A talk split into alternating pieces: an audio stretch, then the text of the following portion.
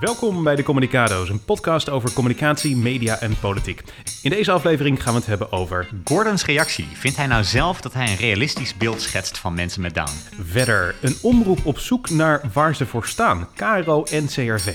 En moet het uitspreken van het N-woord verboden worden? Vergeet je niet te abonneren en laat een recensie achter als je dit een fijne podcast vindt. Laten we snel beginnen, want ook deze keer hebben we weer een hele leuke show.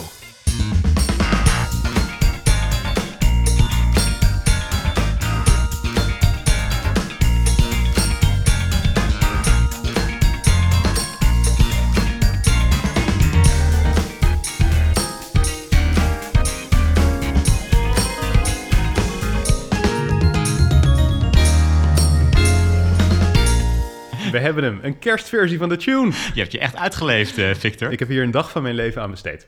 Oké, maar het is echt wel te horen. Je hoort echt de sleebel. Je hoort ze, ja. ja. Ja, en ik vond het wel grappig, want ik dacht, misschien kan ik zo'n sleebel kopen, zodat ik die Uh-huh. meeneem naar deze podcast, dat, dat we er live echt een, eh, een, een goede kerstversie van kunnen Dat maken. zou leuk zijn. Vorige week heb jij gezegd dat je echt een sleebel nodig hebt voor kerstmuziek. Ja, Deze week er zit gewoon een sleebel in. Overal uitverkocht. Oké, je kan, bij geen enkele winkel kan je nog een sleebel kopen. Ja, ik dacht, nee, dat klopt. is jouw schuld, Victor. Nou ja, precies. Maar er zitten sleebellen in en ik heb de blazers vervangen door een glockenspiel. Dus het klinkt echt al heel erg kersterig en dergelijke. ja, Ik ben er heel blij mee. ik, eh, ja nee, ik hoop de luisteraars ook. Maar laten we het hebben over iets eh, anders. Want vorige week, dat vond ik wel leuk. Vorige week hebben we het eh, gehad eh, over een onderwerp wat veel mensen heeft geraakt. Jij hebt het gehad over televisieprogramma's over mensen met Down en dat ze vaak een verkeerd beeld schetsen. Een van de dingen die jij zei is dat veel mensen met iemand in, met Down in een omgeving, eh, waaronder jij zelf natuurlijk, zoals je hebt verteld, Ja. eh, die vinden het moeilijk om naar dat soort programma's te kijken. Nou, heel veel reacties eh, daarop gekomen, inclusief, op die van, inclusief die van Gordon. Ja. Echt honderden reacties geloof Ja, ik. hè? misschien wel duizenden. Ja. Het ging op een gegeven moment heel erg rond op Twitter. Ik, ik zat bij Radio 1 om het te bespreken. RTL Nieuws Bij schreven er een stuk Berg over. zat je, onze favoriete presentator op Radio 1. Klopt. Dus eh, nou, het, het- ik ben blij dat er zoveel aandacht voor het onderwerp is. Ja. En ik, ik merkte ook van heel veel mensen, dat raakte mij eigenlijk het meest van, van heel veel ouders en broers en zussen die zeiden precies dit. Ja. Eh, eh, we zijn blij dat het nu eindelijk besproken wordt. En ook mensen in de zorg die zeiden van, ja, wij kennen ze allemaal. De, ik had het vorige week over die 1% versus de 99%. En De 1% die zie je op televisie en die 99% dat is eigenlijk de vergeten groep. En er zijn ook allemaal mensen die reageerden van, we kennen ze allemaal, die vrijwilligers die hier komen. Ja. Met het beeld van, oh wat leuk, met eh, koffie drinken met mensen met down, kunnen we lekker knuffelen en, en zo. Ja. En dan zeggen die mensen ook van, en ze zijn al heel snel weg als ze erachter komen hoe, hoe het bij de 99% zit. Dus heel veel mensen uit het veld die eh, herkenden het. En Gordon die reageerde ook bij eh, RTL Nieuws. Nou, dat is dus het mooie daarvan. Want inderdaad, eh, RTL Nieuws heeft er een groot artikel over geschreven. Voordat we naar de reactie gaan van eh, Gordon. Waarom hebben media het opgepakt? Wat denk je? Want het is een, het is een, het is een Twitter-draadje. Wat Ja. tot deze, of tenminste deze aflevering, daar heb jij een Twitter-draadje over gemaakt. Dat is goed rondgegaan. Eh, en toen ben je gebeld door verschillende media. Ja, ik vond het wel grappig, want ik heb het ook gevraagd, bijvoorbeeld aan RTL Nieuws, van eh, hoe komt het nou dat jullie dit tot een artikel verwerken? Ze zeiden van, ze hebben het ook in de ochtendvergadering met de hele redactie hebben ze erover gehad. Ja. Niet zozeer omdat het heel vaak gedeeld werd op Twitter, of omdat ze dachten van het is een inhoudelijk goed punt. Dat, dat dachten ze misschien ook wel. Maar ze zeiden al die mensen die erop reageerden met precies dit. Ik Ja, ja. herken dit. Daarvan kregen zij het gevoel van dit raakt dus iets in de samenleving wat relevant is, maar ook door heel veel mensen, ja, bij heel veel mensen emotie oproept. En Ja. dat was voor hen de reden om te zeggen, "Da- dan moeten wij daar ook wat mee. Dat is wel interessant. Dus het feit dat het eh, heel vaak gedeeld wordt, dat is natuurlijk ook het geval, dat was dus niet het doorslaggevende criterium. Nee. Nee, echt dat er zoveel mensen op reageerden met eh, ik herken dit. Met persoonlijke was- verhalen ook inderdaad, eh, zoals je net ook uitlegde inderdaad. Ja. Ja. ja, dat is wel interessant, ja. ja. Toen kwam dus die reactie van, eh, van Gordon ook erop. En Mag ik nog even voordat we naar de reactie gaan van Ja. Gordon? Ik zit dit even uit te rekken, zodat we het even goed te teasen, zeg maar. Eh, eh, er zijn natuurlijk ook, want je hebt Radio 1 gehad, de Libellen heb je ook gehad, eh, die Ja. jou heeft toch, toch, toch wel een mooi om in de Libellen te staan een keer, toch? Of niet? ja, en hoe ik werd aangekondigd in de Libellen. Hoe werd je aangekondigd? Podcaster Ja. Lars Duursma. dat is ook heel mooi. Nou, dat ben je natuurlijk ook, dus dat is helemaal goed. Radio 1 inderdaad, maar er heeft ook een redacteur van de talkshow eh, gebeld natuurlijk. ja, van Renze. Ja, die zendt op zaterdag en zondag uit. Nou, Ja. dit komt op zondag uit. Wij nemen dit op op vrijdag. We weten al dat het niet door is gegaan. Nee, het is, eh, ik, ik kreeg net een belletje dat, eh, dat ze uiteindelijk deze keer er niks mee willen, willen doen. Want ze willen nog steeds wel iets met het onderwerp doen. Ja. Maar ze zeiden van, uiteindelijk hadden ze twee overwegingen. Eén, dit is de laatste eh, weekend van het seizoen. Dus er zijn heel veel gasten die ze hierin willen stoppen, die ze niet kunnen doorschuiven. Dus het was Ja. echt een heel druk programma dat ze al hadden. En twee, ze willen dit liever dan behandelen wanneer het programma op televisie komt. Dus Ja, dat in ja. januari gaan doen.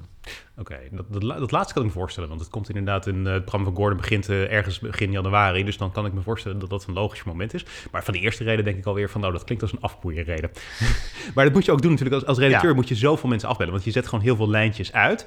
En je kunt vaak de hele complexe redenen wel meegeven, maar de meeste mensen die snappen daar toch helemaal niks van. Dus dan kun je beter maar zoiets vinden van, ja, het is de laatste uitzending van het seizoen en het is hartstikke druk, sorry. Ja. Weet je wel, dat, dat is gewoon makkelijk uit te leggen, makkelijk te begrijpen. Dus wat jij nu eigenlijk zegt, is dat ik een beetje een, een, een naïeve sukkel ben die gelooft dat dit de echte reden is. eh. Ja, nou, volgens mij moet je gewoon altijd sceptisch zijn. Dit, zijn meestal gewoon af. het- Ik begrijp ook wel dat ze niet de echte reden mee willen geven. Dat je, want het is vaak gewoon moeilijk uit te leggen. Het is ook soms, ja, soms dat denk je ook. Soms denken ze ook, en ik weet niet of ik denk niet dat dat hier het geval is, maar soms is het ook gewoon dat je denkt van, nou, die spreker is niet zo heel erg boeiend, weet je wel. Het is wel Nou, dankjewel. Victor. Nee, dat het niet van toepassing is hier, maar soms dat kan ook een overweging zijn. Maar dat kan je natuurlijk niet aan een gast gaan vertellen. Dus je moet ook af en toe een klein beetje om de goede relaties eh, te bewaren, daar eh, ja, een, be- een beetje de waarheid verdoezelen en, Ja. en een onzin reden geven. Nee, want als je een gast om die reden afwijst, dan krijg je hem natuurlijk nooit meer terug. Dus als je tegen een gast zegt van, eh wat een beetje twijfels of jij dit eh, boeiend kunt vertellen. Eh, als je dan eh, eh, twee maanden later weer die gast wil hebben, dan Gaat niet lukken. Nee, gaat, het niet, nee, gaat het niet worden. Ja. Nee. Maar goed, inderdaad, Gordon heeft ook gereageerd. Ja. RTL Nieuws die heeft er dus een artikel opgeschreven voor de website. Dat is misschien wel even leuk, want het is een vrij uitgebreid artikel. Ja. waar ze jou hebben geïnterviewd, ook het andere mensen hebben geïnterviewd. En dus ook een reactie van Gordon hebben gevraagd. En dat is een vrij uitgebreide reactie geworden.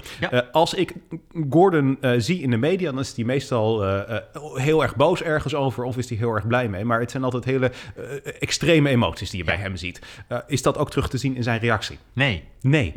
nee, ja, we hebben beide gezien. En We, we appten al direct naar elkaar diplomatiek, Ja. correct, maar ook goed dat hij reageert. Mhm. Want ik denk dat heel veel mensen niet reageren. En ik vind het heel sterk dat hij hierop eh, op reageert. Ja, wat zegt hij precies? Nou ja, hij, hij zegt van, eh, we zijn, er, we zijn ons ervan bewust dat er gradaties zijn. Hele zware gevallen ook. En dat is een grote groep. En dan zegt hij even later, down wordt misschien wel te up gepresenteerd. Ja, ja, dus er zit gewoon echt de zelfreflectie eh, in. Ja. Ja, en, eh, dan zegt hij ook van, ik zou heel graag nog een keer een documentaire maken over die andere groepen. Ja, ja. Ik denk van, ja, ik weet, niet of jij de beste documentairemaker bent, Nee, eh, Gordon. Of, jij niet. degene bent die dat moet doen, maar Het is geen journalist natuurlijk, het is een entertainer. dat hij, dat hij, het, dat hij het begreep, in ieder geval dat, dat, dat aangaf en op reageerde, daar was ik heel erg blij mee. Ik denk wel dat je zag wel een beetje in zijn reactie dat hij toch nog niet helemaal snapt wat de gevoeligheden zijn, bijvoorbeeld bij de mensen in de omgeving met mensen met Down. Want Mhm. Ja. één quote Voordat je daar naartoe gaat, want je Ja. gaat een eh, punt aanhalen waarop je het niet mee eens bent. Maar laten we wel even markeren dus dat hij een diplomatieke reactie heeft gegeven. Ja. Als hij dat niet had gedaan, dan had dit natuurlijk verder kunnen escaleren. Want ik denk dat de kans dat jij bij Renze had gezeten als Gordon hier compleet uit zijn plaats was gegaan, die was vele malen groter geweest. Ja.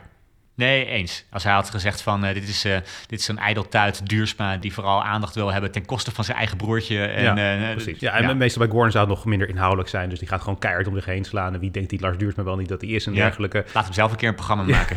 Precies, dat soort dingen. Nee, maar ja, het, het zou waarschijnlijk veel meer negatieve publiciteit voor hem hebben opgeleverd in Ja. dat opzicht. Wat dat betreft deed hij dus niet wat Marian Olvers Nou, deed. precies. Ik zou zeggen, want ik, ik dacht niet dat ik deze zin ooit zou uitspreken. Maar ik, ik denk dat hoogleraar eh sport en recht van de UvA, Marian Olvers, eh, zou kunnen kijken naar eh, Gordon. En kan, kan leren van zijn ontzettend diplomatieke reactie eh, Ja. op de situatie. Ja, kijk eens naar Gordon. Ja. Ja.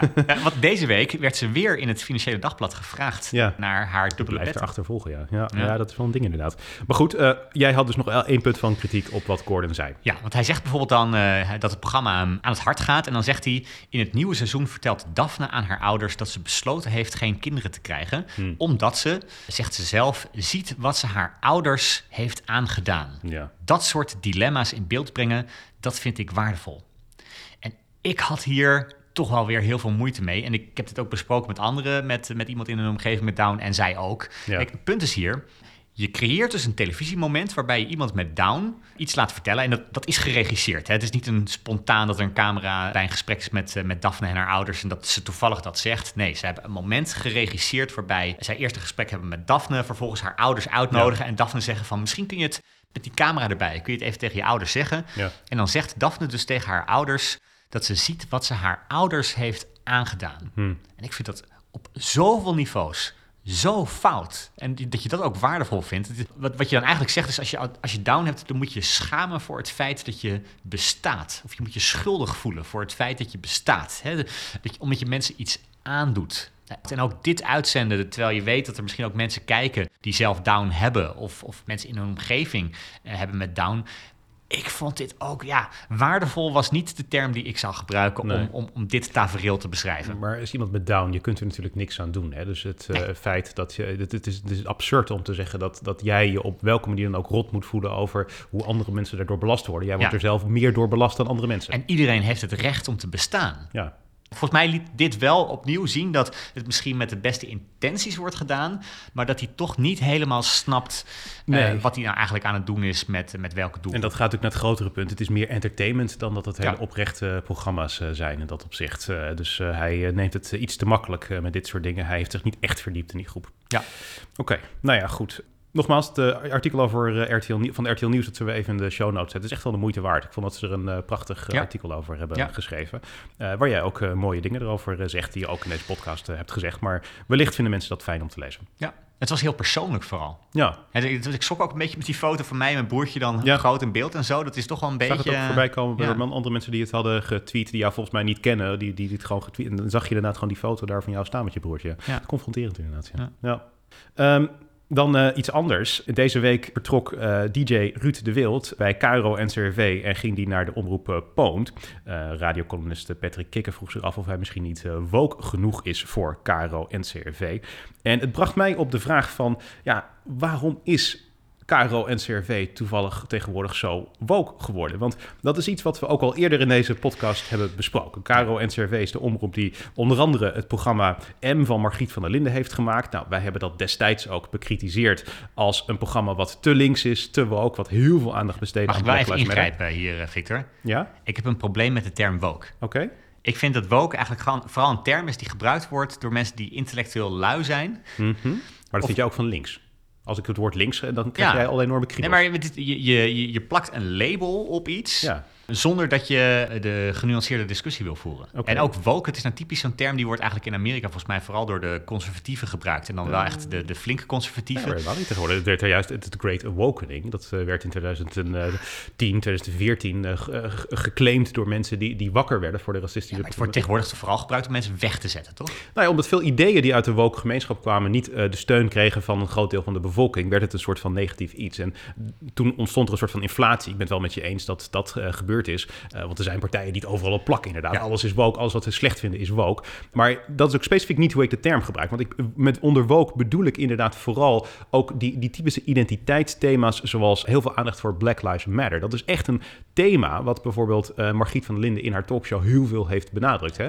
Dus wat wij toen ook zeiden, van het is te woke geworden, omdat ja, heel veel mensen in de provincie zijn niet per se bezig met een demonstratie op de Dam. En dat Aquasi daar destijds een kritiekloos interview heeft eh, gekregen. Dat, nou ja, dat, dat, dat, dat was misschien niet iets wat ze Maar- overal in het land interessant De vonden. NOS en RTL Nieuws hebben toch ook aandacht gegeven aan die protesten? Zeker, en daar is natuurlijk ook niks mis mee, want het zijn eh, demonstraties, het is een maatschappelijke beweging. Eh, de mate waarin is vooral, eh, en, ook natuurlijk de, ma- de manier waarop het werd behandeld. Maar het valt jou in ieder geval op dat jij een verandering ziet bij Nou, Caro en CRV. Ik zou zeggen dat dit deel niet alleen mij opvalt. Hè, want dit is over het algemeen door heel veel mensen besproken. Eh, andere voorbeelden zijn het feit dat ze de Passion hebben overgenomen van de EO. En een van de eerste dingen die ze zeiden is van... wij sluiten niet uit dat Jezus in de toekomst eh, gespeeld gaat worden... door een vrouw, een homo of een transgender. Ook dat is natuurlijk iets weer wat bewust wel weer op die woke sentimenten inspeelt. Andere programma's, eh, ze hebben ook een programma over transgenders trouwens... dat heet Hij, Zij, Hen... Eh, vroeger heette dat hij en zij, maar ja, dat is een term die op een gegeven moment gevoelig lag. Dus dit jaar eh, werd het eh, een nieuwe titel gegeven. En dat is dus hij, zij, hen. Maar dat is echt radicaal anders dan de Rooms-Katholieke opvatting dat het veranderen van je geslacht ingaat tegen Gods schepping. En KRO-NCRW, dat is wel de Katholieke Radio-omroep Nederland en de NCRV, de Nederlands Christelijke Radiovereniging. Het is een hele andere traditie waar dit uit voortkomt.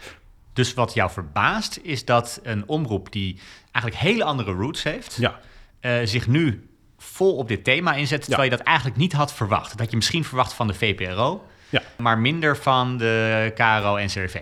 Ze, ze gaan vol op het orgel, inderdaad. Echt vol op het orgel. En ik wilde dus weten van, is dit een bewuste strategie? Zit hier iets eh, achter? En wat is dan precies die strategie? En hoe rijmen ze dat met het verleden? En een van de interessante dingen aan eh, omroepen is dat zij verenigingen zijn, waardoor zij allerlei verantwoording moeten afleggen aan hun leden door middel van openbare jaarverslagen. Dus daar kan je gewoon induiken om erachter te komen wat de strategie is. Dat kan je niet doen bij RTL of bij Talpa, want ja, die gaan dat niet allemaal prijsgeven natuurlijk. Dus je kunt echt kijken naar wat de strategie is. Dus dat heb ik inderdaad gedaan. En daar blijkt inderdaad, dat is de bottom line. Het is inderdaad een hele bewuste strategie. Het is een hele nieuwe koers die ze zijn gaan varen. Eigenlijk, en dat is de bottom line ook, uh, het is een beetje alsof het CDA zich heeft omgevormd tot GroenLinks. Dat is min of meer de verandering die hier heeft plaatsgevonden. Dus dat is een grote verandering. Maar waarom ja. is dat dan? Want dat staat dan in de jaarverslagen. Hoeveel jaarverslagen heb jij bekeken? Uh, de laatste paar jaar, 2018, 2019, 2020 en 2021. 2022, die komt natuurlijk pas in de komende paar maanden van dit jaar okay. afgerond. Maar inderdaad, het is een uh, bewuste strategie. De achtergrond uh, is dat er een aantal jaar geleden werd getwijfeld over het bestaansrecht van KRO-NCRW. Jan Slachter, de directeur van Omroep Max, die zei openlijk van... ja, is dit nog wel van deze tijd? Hebben we die omroepen nog wel nodig? de Raad van, voor de Cultuur die kwam daar overheen, want die zei van de ideeën van de KRO en CRV zijn best interessant, maar die komen te weinig terug in de programma's. En daarmee werd ook aangehaald, het is al heel erg druk in het omroepbestel, er komen allerlei nieuwe omroepen bij, maar de oude omroepen gaan niet weg. En je zou misschien kunnen zeggen, KRO-NCRW heeft niet echt meer een heel duidelijk profiel, een heel duidelijk geluid. Er zijn veel minder christelijke kiezers of christelijke mensen tegenwoordig. Uh, misschien zijn zij niet meer nodig. Ze vertegenwoordigen geen stroming meer in de maatschappij. Nou, die druk, die voelden ze inderdaad heel erg sterk. Ze dachten van, wij dreigen inderdaad irrelevant te worden. Dus toen hebben ze bewust een keuze gemaakt. En dat is terug te vinden in het jaarverslag van 2019. Dat ze in dat jaar, dat ze inderdaad letterlijk de keuze hebben gemaakt om wat zij zeggen, zich meer te concentreren op programma's en activiteiten rond een bepaald aantal thema's die zij vervolgens hebben gedefinieerd. Uh, ze zeggen in 2021 dat ze in het afgelopen jaar die keuzes nog verder hebben aangescherpt. En dat zie je dus ook heel duidelijk terug, want in die jaarverslagen zie je ook wat die thema's zijn. Omroepen profileren zich voornamelijk door thema's. Daar heb je misschien niet bij stilgestaan als jij een normale kijker bent, maar als jij aan kunst en cultuur denkt, ik, jij bent niet echt een televisiekijker, dus ik vermoed dat je dit antwoord niet gaat weten, maar van welke omroep is dat een thema, kunst en cultuur? VPRO? Nee, dat is de Avrotros. Nou. Denk bijvoorbeeld aan kunst tussen kunst en kitsch... of aan muziekfeest op het plein... of de beste zangers, dat zijn allemaal... Ja, maar dat is meer de volkscultuur dan? Uh, nee, want tussen kunst en kitsch is ook uh, wat, wat high culture natuurlijk. Hè? Dus het, hmm. het, het, kan beide. Het kan beide. En, en, ook, ook bijvoorbeeld andere... Ja, er zit ook wel meer wat high culture ding. Maar het is, het is breed, in de brede ja. zin van het woord. Dat, dat, daar heb je gelijk in. Buitenland, dat is een thema van... Uh, ja, dat ga je toch nooit raden, dus ik nee, ga het gewoon NTR. zeggen. Wat? Nee, nou, weet ik niet. NTR? Ja. Nee, ja. dat is geen, dat is geen ledenomroep. NTR is een taakomroep, maar dat is even wat anders. Nee, uh, het is van de VPRO. Dus die hebben reisseries met onder andere Ruben Terlouw en Bram ja, Vermeulen. Goede serie trouwens. Oké, okay, ja. Nou ja, dat is inderdaad hun thema. Bureau Buitenland op Radio 1 past ook in dat thema. economische ongelijkheid, van welke omroep is dat het thema? VARA. Ja, BNNVARA inderdaad, ja. Denk aan die programma's met Jeroen Pauwsels, die van uh, Scheefgroei. Dat is uh, typisch wat op dat uh, thema zit. En de KRO-NCRW heeft eigenlijk drie thema's gekozen... die in een jaarverslagen prominente plekken krijgen. En dat zijn eigenlijk, ja, zou je kunnen zeggen, de woke-thema's. Eén daarvan is multiculturaliteit. De tweede is wat zij noemen liefde is voor iedereen. En de derde is duurzaamheid. Dus dat eerste thema over multiculturaliteit. Zij uh, hebben bijvoorbeeld een serie gemaakt over boer Ayoub. Een Marokkaans-Nederlandse boer. Bedoeld om de vooroordelen over deze groep weg te halen. Dus het hm. vieren van die verschillen tussen verschillende culturen en achtergronden. Dat is wat zij heel belangrijk vinden. Ze blijken, dat wist ik ook niet, een YouTube-kanaal te hebben. Speciaal voor biculturele vrouwen tussen de 20 en 30 jaar. Het is echt mega specifiek. dat wist ik ook niet. Ja, nee, dat wist ik ook niet. Het heet Spot On, uh, dat YouTube-kanaal. Uh, ja, nou ja, sommigen hebben nog best wel veel views. Iets van 100 100.000 kijkers voor sommige filmpjes. Um, dus uh, dat doen ze om dat thema te belichten. Nou, liefde is voor iedereen. Veel aandacht voor LHBTQI plus dingen en dat soort zaken. -hmm. duurzaamheid ook een thema. Het programma Binnenste Buiten bijvoorbeeld verdeelt daar veel aandacht aan. Waku Waku valt ook binnen dat kader. Maar ze verwoorden dat eigenlijk in het jaarverslag ook met de slogan... met een, een drieslag. Maak morgen eerlijker, maak morgen groener en maak morgen liever. Oké, dit vind ik interessant, want eigenlijk, ja, jij vergeleek het al met een politieke partij. Dit is eigenlijk een, zoals politieke partijen dan regelmatig op zoek gaan naar kiezers en zich afvragen of ze nog bestaansrecht hebben en dan uh, met flipovers gaan kijken welke kiezers ze willen uitspreken. Of meer met, met focusgroepen doen ze het misschien bij nou, politieke partijen. Exact dezelfde focusgroepen, want ze hebben Mentality, het model erbij gepakt van uh, Motivaction. Dat is natuurlijk ook wat door veel politieke partijen uh, gepleegd wordt, gebruikt wordt. feitelijk, wat zij hebben gedefinieerd als de nieuwe groepen, dat zijn de cosmopolieten en de postmaterialisten. Hm. Dat zijn om ze even te beschrijven, de cosmopolieten, die definiëren ze ook in het uh, jaarplan. Dat zijn open en kritische wereldburgers. Ze zijn sociaal bewogen, tolerant en ambitieus. En dan heb je de postmaterialisten. Dat zijn maatschappelijke idealisten die zichzelf willen ontplooien, stelling nemen tegen sociaal onrecht en opkomen voor het milieu. Dat zijn vaker vrouwen overigens ja. dan mannen. Dat is trouwens ook een interessante. Want ik, ik, ik vind mhm. Motivaction een heel mooi bedrijf. En even ja. misschien een disclaimer. Ik, ik werk ook zelf veel met uh, medewerkers van uh, Motivaction. Uh, mm -hmm. Ik heb ze getraind. Ja. Maar dat betekent dat in Nederland Motivaction volgens mij niet alleen bepaalt waar politieke partijen zich profileren en, en waar ze zich neerzetten, maar ja. Motivaction bepaalt zelfs in Nederland waar omroepen in Nederland zich op profileren en dus indirect welke televisie jij op televisie te zien krijgt. Ja, exact. Want er is en dat dus is één bedrijf, één onderzoeksbedrijf dat, heel bepaalt gewoon... Ja, ja, ja. Dat, is, het is interessant dat je dat zegt, want dat is precies wat er hier gebeurt. Ze hebben gewoon gekeken van waar is nou een doelgroep die nog niet zo goed wordt bediend door de huidige omroepen. En, en daar gaan ze zich op richten. Ja, dit is feitelijk ook, want het komt niet helemaal overeen met kiezersgroeperingen en, en politieke partijen. Uh, maar dit is feitelijk de cosmopolieten en de postmaterialisten. Dat zijn feitelijk de, de D66 en GroenLinks kiezers. Dus het zijn vaker hoogopgeleide mensen. Vaker dus ook vrouwen, zoals ik net uh, zei. Mm -hmm. En ook mensen die nou ja, zeer sociaal bewogen zijn. En vooral de identiteitsthema's die ze erg belangrijk uh, vinden.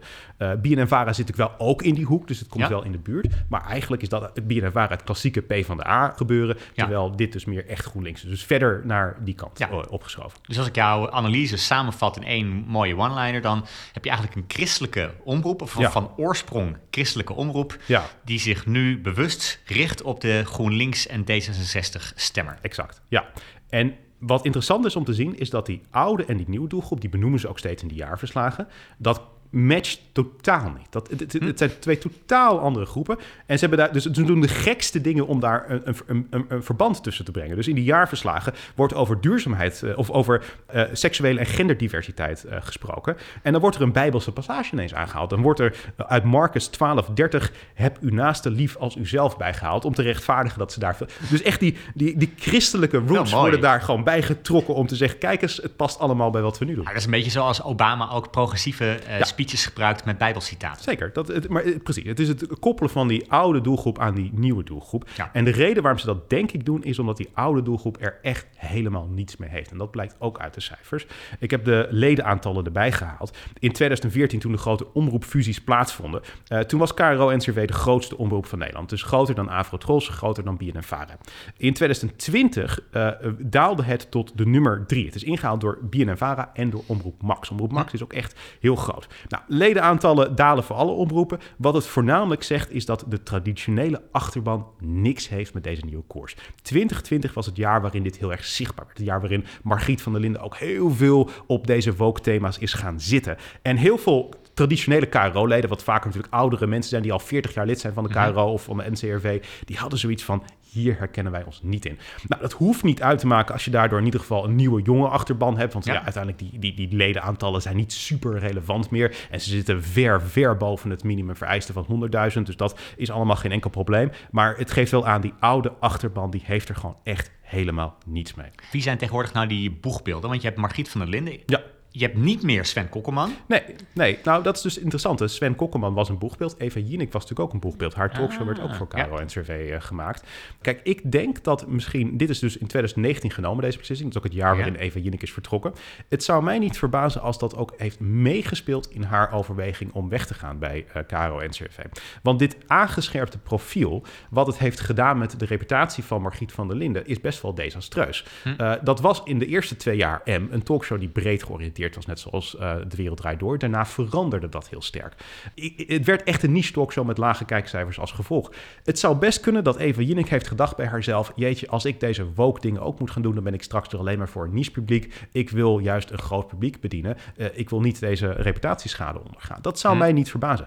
Het zou misschien ook te maken kunnen hebben met het feit... dat zij uiteindelijk Talita Muse wel hebben aangenomen... voor het presenteren van Op 1... Ja. samen met Sven Kokkelman destijds. Uh, tijdelijk een paar weken was niet een heel goed succes. Heel ander profiel heeft natuurlijk. Klopt, maar het was natuurlijk wel een vrouw die uh, zeg maar uh, een kleurtje heeft en, en, en, en dat soort dingen. doen heel veel omroepen. Gewoon om een herkenbaar ja, nee, dat beeld. Is waar, dat is waar, dat is waar, ja. dat is waar. Maar ik bedoel, het zou meegespeeld kunnen hebben. Het past wel zeg maar heel erg binnen dat profiel. Maar goed, inderdaad, Talita heeft ook zeker wat meer rechtse standpunten. Dat is absoluut waar. Maar wie zijn de boegbeelden? Ja, tegenwoordig ook natuurlijk mensen zoals bijvoorbeeld Yvonne Jaspers, die nog steeds het meest succesvolle programma voor die omroep ja, presenteert. Boer zoekt vrouw. En dat valt natuurlijk in het kader van duurzaamheid in, die, in dat kader van dat thema. Ja, dus jouw advies is eigenlijk, Yvonne Jaspers zou een, een, een stapel flyers moeten, moeten verzamelen. En dan bij het ledencongres van D66 of GroenLinks gaan staan. En daar nieuwe leden zoeken voor de KRO en CRV. Want daar zit een nieuwe doelgroep. Ja, ja, daar zit wel de nieuwe doelgroep inderdaad. Ja. Ja, ik vraag me dus wel af of uh, Yvonne Jaspers, want ze is dus feitelijk het meest succesvolle boegbeeld, of dat nou echt meer bij de KRO Ja. zoals het vroeger was, of dat het tegenwoordig... Ik denk dat ze ook wel op zoek zijn naar nieuwe boegbeelden. En ik weet ook niet in hoeverre deze strategie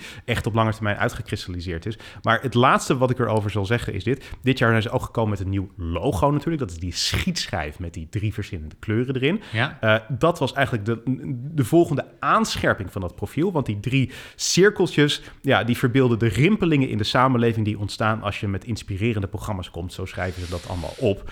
Uh, dus de kringen in het water als je er een steen in gooit, als het ware. En dat hm. verbeeldt heel erg wat eigenlijk KRO en CRV tegenwoordig is. Het is een hele progressieve, bijna woke omroep bedoeld om maar, dat geluid te vertegenwoordigen. Maar dat, dat beeld, dat gebruikt iedereen. Dat is ook in een PowerPoint-presentatie. Als je een slide ja. hebt over impact. Ja. En iedereen heeft zo'n zo'n zo'n vijver met een steentje erin die, die van die uh, ringen eromheen veroorzaakt. Hè? Dus Ja. dat, dat beeld, dat is redelijk universeel. Maar dit is niet taal die WNL zou gebruiken. Het is wel, het is wel links georiënteerde taal. Hè? Het, is wel, uh, het is vanuit een bepaalde visie Ja. uh, geschreven. Ja. Ik, ik vind de analyse interessant. Ik, ik, ik, stel wel vast dat je wel een, een moeite hebt gedaan, misschien wel in een bewuste provocatie ten opzichte van mij, om Mhm. zoveel mogelijk keer het woord woke in dit item te maar stoppen. ik gebruik het woord woke dus niet zo vaak. Ah. Maar misschien deze keer wel, maar Ja. ik gebruik het. Ik, ik, ik Eigenlijk. ben, maar ik ben het echt mee eens dat, dat, er, dat er inflatie op dat eh, woord optreedt. Maar het is gewoon een woord wat een betekenis heeft. Dus je moet het wel gebruiken als het terecht is, natuurlijk. Ik vind het terecht, onterecht als het wordt gebruikt als jij met een willekeurig idee komt wat niks met woke gedachtegoed te maken heeft. Dan Dan zeg je, hey, weer woke. Ja, Ja. precies. Ja, ja precies. Oké. Nou, helemaal goed. Ik, ik ga op een andere manier kijken naar eh KRO en CRV. Oké, nou dat is mooi. Dan, laten we doorgaan, want wij hebben ook eh, een klein onderzoek gedaan. En als ik zeg wij, dan bedoel ik eigenlijk jij in dit geval. Zo vaker. Als je het hebt over onderzoek, dan, dan bedoel je eigenlijk... Ja, dan- Nou, nee, jij hebt ook jaarverslagen erbij Ik- gepakt waar, van zeker. eh, Ja, KRO dat en waar, ja. Maar in dit geval heb jij dat onderzoek gedaan. Want we, we zien dat, dat veel podcasts die, die worstelen met de vraag... wat is de meest ideale dag om uit te komen? Ja. En wij komen natuurlijk op, op zondag uit, al sinds het begin. En, en nou ja, goed, dat, dat, we zijn ook niet van plan om dat op dit moment eh, te, te wijzigen. Maar de vraag is altijd van, is het misschien verstandig om naar een andere dag te gaan... omdat dat beter is? Met toch het idee van, weet je, als er heel veel mensen op een andere dag luisteren... dan de dag waarop je uitkomt, dan met hetzelfde werk bereik je een veel groter publiek. Dus dat zou een makkelijke Precies. verandering zijn. En de reden dat ik hier indook is dat een eh, journalist die benaderde mij en die zei van... eh, Lars, ik vind het heel erg fijn dat jullie op zondag uitkomen. Want jullie zijn de enige podcast die op zondag uitkomen. En Ja. ik vind het lekker bij het hardlopen. Ja. Maar die zei tegelijkertijd zei hij ook van... Maar jullie zijn gek. Ja. Want elke journalist weet dat als je op zondag een artikel publiceert, dan wordt dat veel minder gelezen dan welk ander artikel. Want op, op, op zondag ja, leest niemand de krant, kijkt niemand naar websites. Zondag is gewoon echt een hele domme dag om iets te publiceren. Dus Ja. ik, ik dacht, nou, ik vind dat interessant. Ik, ik wil daar eens induiken en ik wil even kijken of iemand die daar veel van af weet, Ja, ons daar wat tips in kan geven. En ik heb contact gezocht met Tim de Gier. van dag en nacht eh, media. Een beetje eh, een van de grote podcastbedrijven in Nederland. Overgenomen door Podimo natuurlijk. Tegenwoordig is hij hoofdpodcast bij Podimo. En Ja. die heeft natuurlijk ook heel veel cijfers dus. Die Ja. kan kijken van, nou, welke dag luisteren mensen de meeste podcasts. En ik vroeg hem ook van, kun je ons daar wat meer over vertellen? Ik ben hier oprecht heel benieuwd naar. Ik kan niet Ja. wachten. Voordat ik, dan ga ik ook teasen. Voordat ik zijn antwoord daarop geef, dacht ik, ik, ik duik eerst even in de reden waarom zoveel podcasts op donderdag uitkomen. En ik denk dat ik dat weet. Want is Mhm. Een aantal jaar geleden is er onderzoek gedaan in Amerika. En toen werd echt geadviseerd, donderdag is de dag waarop de meeste mensen naar podcast luisteren. Je moet op dat moment dus ook uitkomen. Ja. Dinsdag, woensdag kan ook. Maar zeker donderdag daar je podcast. En zorg dat je 's ochtends vroeg uitkomt. Nooit s'avonds laat, want dan word je weer begraven in al, al, die- al die playlist. Ja. En volgens mij hebben ontzettend veel makers hebben dat gelezen Ja. of bekeken. En, en daarom zie je tegenwoordig als je op donderdag bent... Nou, dan komen twee, drie keer zoveel podcasts uit op donderdag als elke andere dag. Ik heb het idee dat eh, dinsdag, woensdag en donderdag sowieso de drukste dagen zijn eh, voor Ja. podcasts. En dat is interessant, want ik vroeg aan Tim de Gier van kan je daar eens induiken? En de grap was, eh, dat deed hij. En vervolgens was hij zelf eigenlijk ook verbaasd over, over het resultaat. Dat is interessant. Want hij heeft specifiek gekeken naar het laatste half jaar. Uh-huh. Hij zei dat, dat is interessant, want dan... Het kan best zijn dat het vroeger zo was, maar Ja. laten we echt specifiek kijken naar het laatste... En zij hebben natuurlijk heel veel data. Dus eh, dan, dan heb je, ze- als je alleen maar kijkt naar het laatste half jaar, heb je wel veel informatie. Ja, en wat was daar eh, het resultaat? Wat, wat, wat zag hij? Mhm. Eigenlijk is het tegenwoordig bijna elke dag hetzelfde. Oh ja? Dus elke dag wordt bijna even goed beluisterd. Alleen maandag en vrijdag is er een lichte piek, maar dat gaat dan over iets van 10% meer luisteraars. Ja, ja. Dus op maandag en vrijdag zijn er juist de meeste podcasts die beluisterd worden. Dat vind ik wel echt heel interessant. En de grap is dat verbaasde hem zelf eigenlijk ook, dat het zo gelijk getrokken is het afgelopen half jaar. Ja. En dat maakt dus ook dat het interessant is om te kijken van... hé, hey, maar als dat veranderd is, zegt Ja. dat ook iets over het moment waarop je het beste kunt uitkomen. Wat ik interessant vond, is dat ik dacht dus van de meeste podcasts komen op donderdag uit... omdat dat uit onderzoek blijkt. En ik Ja. vroeg het net ook aan jou, van waarom denk jij dat het zo is? En jij zei, Nou ja, ik dacht dat het zo is omdat het de meeste mensen zijn die op die dag luisteren. ja, nou ja, volgens Tim is dat dus niet de reden Nee. dat er zoveel podcasts uitkomen. In ieder geval in zijn ervaring. Ja. Want wat hij merkt is, hij werkt heel veel met podcasters. En hij zegt, die komen graag het liefst op donderdag of vrijdag uit. Want dan Mhm. heb je een halve werkweek om je voor te bereiden op de podcast. Ja, en op ja. maandag uitkomen is vervelend, want dan moet je op zondag voorbereiden. Ja. Dus er zijn heel veel podcastmakers die het vervelend vinden om in het weekend aan die podcast te werken. en de grap is, dat, dat was bij ons juist precies het tegenovergestelde. Ja. Wij hadden ook toen we begonnen met de podcast het gevoel van maandag tot en met vrijdag hebben we het heel erg druk. Ja. Zaterdag is onze hobbydag. Ja.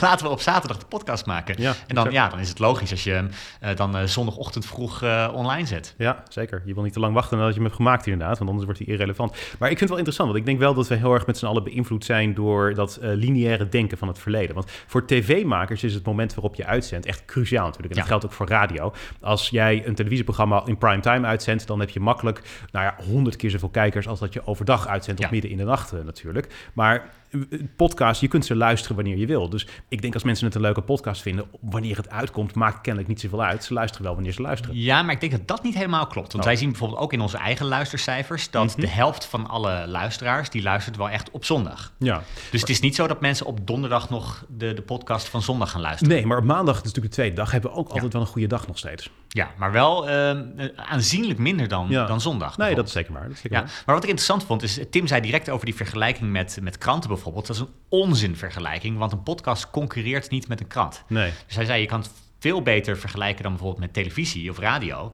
Op, in de televisie is juist het weekend, dat is primetime. Dus zaterdagavond, dat is juist een heel goed bekeken moment. Dus is het heel gek om te zeggen dat, dat, dat door de week dus een beter moment zou zijn, omdat mensen Ja. dan de krant lezen. Ja. ja, precies. Want programma's zoals Heel Holland Bakt en zo, die waren ook heel succesvol op de zondagavond eh, inderdaad. Dus eh, Ja? ja? absoluut ja. Ja, hij zei nog wel, je moet ook goed kijken wat voor podcast je hebt. Want als je een informatieshow hebt, Uh-huh. dan wil je die door de week hebben. Ja. Maar als je een, een hij noemt het een, een zone show. Een wat show? Zon, zonneshow, zone show. Oké. Ja, dat, dat, dat niet. betekent mijn eh, beperkte... ik ga niet mee in, in de nieuwe, nieuwe woorden. Ja. Dan wil je even uittunen, Ja. Dus, dus als je van een, een, een lekker gesprek luistert. Ja, ja. En een wat luchtiger onderwerp, dat wil je misschien meer in het weekend luisteren. Maar echt een informatieshow, die wil je door de week hebben. En dit wordt ge- ge- gestoeld door cijfers? eh? Oké. Ja, nou, ja, ja, of door zijn ervaring. Hij heeft hier Ja, niet ja. specifiek cijfers bij genoemd. Maar het was wel zijn ervaring. Dan is de vraag natuurlijk of de communicado's, eh, of het een informatieshow is, of dat je gewoon een beetje, dat een beetje in, in het wilde weg lullen en mensen een beetje gewoon lekker ontspannen. Terwijl Ja. ze luisteren. Ik denk als ik aan eh, iets wat... In, ik weet niet of... Ja, ik denk dat het een beetje eh, wel meer informatie is dan dat het echt heel ontspannen is. Het is niet... Als ik aan ontspannen denk, dan denk ik ook aan een gesprek wat een uur of anderhalf kan duren met één gast, wat gewoon echt alle kanten op kan Ja. Ik ontspan nooit in een gesprek met jou. Nee, ik ook niet met jou. eh. Sterker nog, ik eh, zit er altijd heel gespannen bij om te kijken wat er nu weer eh, gezegd wordt, waar ik tegenin moet. Maar goed, Ja. wel interessant. Dit is, dus nou ja, Tim de Gier is wel degene die het kan weten. Dus Ja. het is wel interessant om dit te horen. Ja. Ik ben gerustgesteld, want ik denk, ik denk eigenlijk wel dat zondag is dan wel een goede dag om uit te komen. Hm. Nou, we houden het voorlopig zo. Nou, dan houden we het zo inderdaad, ja. Bedankt Muziek. aan eh, Tim de, eh, Tim Ja. nee, inderdaad. eh, het is weer tijd voor de tv-tune van de week. Elke week laten we je een legendarische tv-tune horen uit mijn collectie... die volgens het Guinness Book of World Records maar liefst 1876 uur, 2 minuten en 52 seconden aan muziek bevat. De tune van deze week is een tune van een programma wat gesneuveld is dit jaar. We kijken eigenlijk een beetje terug hiermee op 2022. Het is de tune van The Voice. Want het programma is van het scherm verdwenen, maar de tune is wel bijzonder. Want Ja. John de Mol heeft de filosofie dat je een tune moet kunnen meeneurien als je hem al één keer hebt gehoord. En een tune waar, dat, ja, waar daar zeker aan voldaan is, dat is de tune van The Voice. Eh, hij is door de Nederlandse componist Martijn Schimmer gemaakt. En hij Mhm. wordt in alle landen waar The Voice uitzendt gebruikt. Dus diezelfde tune die gewoon in Nederland door een Nederlandse componist is gemaakt, is in totaal 180 landen te horen. Daar zal hij ook rijk mee geworden zijn dan, toch? Als eh, Eh, componist. Ja, ja ik, ik heb hem dat ook wel eens gevraagd. En het antwoord is altijd dat. Het is wel soms moeilijk om de rechten uit bijvoorbeeld China en dat soort landen goed eh, te krijgen. Want dat, dat, dat is niet altijd even goed geregeld. Dus hij zal er absoluut niet arm van zijn geworden. Maar het zal niet een goudmijn zijn geweest op Hm. de manier dat je soms denkt dat dat soort zaken het geval is. Uh, maar goed, de tune van The Voice, ik ga hem uh, straks in zijn geheel laten horen. Maar ik wil hem even afbellen om iets daarover specifiek te laten zien. Ik laat even een bumpertje horen aan jou, Lars. Dan mm -hmm. uh, kan je even luisteren. Dit, dit is de tune van The Voice, de bumper.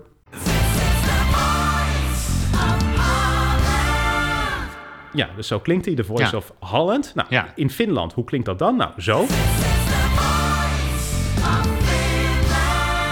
Maar wel in het Engels dus. Eh, ja, allemaal. Hè. Het is The Voice of Holland, The Voice of Finland. En dat zijn al, de titels Ja. altijd, het, niet altijd, maar het is vaak in het Engels. Ja. Maar goed, je zou kunnen denken van als je hem dan voor de hele wereld moet maken. Je sluit een koortje een dag lang op in de studio. Je gaat alle landen inzingen. The Voice of Holland, of. Finland, of Poland. Ja. En dan kan je vervolgens gewoon voor heel veel landen in de wereld die tune maken. Maar wat als je Azerbeidzjan bent? Nou, precies. Dat is het of Zwitserland? Dan heb je ineens heel veel... eh, Klopt, dat is het grote probleem. Letter- het lijkt makkelijker dan het is, omdat je bij sommigen heb je dus meer lettergrepen.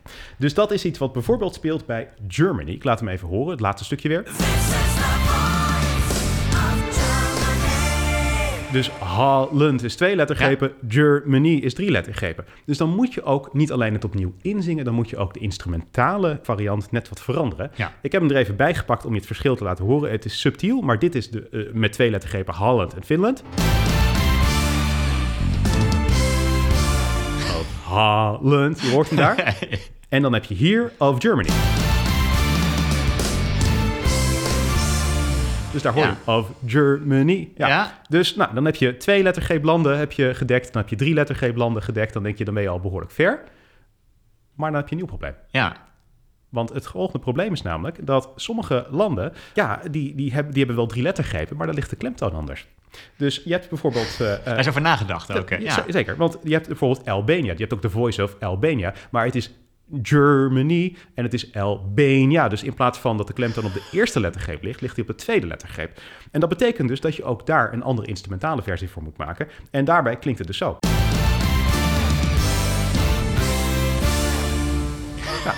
En als je daar dus eh, zang aan toevoegt, dan klinkt dat zo. De Voice of Albania.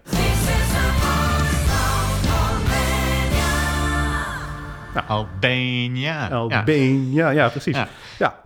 dus het is all in all heel erg moeilijk om die, he- al die internationale versies te maken. Je denkt gewoon, het is één koortje wat het anders inzingt. Maar de Nee. instrumentale versies, die moeten dus echt ook steeds verbouwd worden. En het is heel moeilijk om dat passend eh, te maken. Dus daar hebben ze nog best wel wat werk aan gehad. Maar zo heb je dus eh, in totaal, eh, het zijn niet 180 versies, maar in 180 landen is het te horen. Het zijn, ja, ik geloof iets van pak een beetje 80, 90, 100 versies die van The Voice gemaakt zijn. Die voor een groot deel ook nog lopen trouwens. Ja. Maar zo zie je veel verschillende versies. Oké. Laten we even één volledige versie horen, gewoon om even gewoon helemaal de leader te horen. Is er een specifiek land wat jij wil horen, Lars?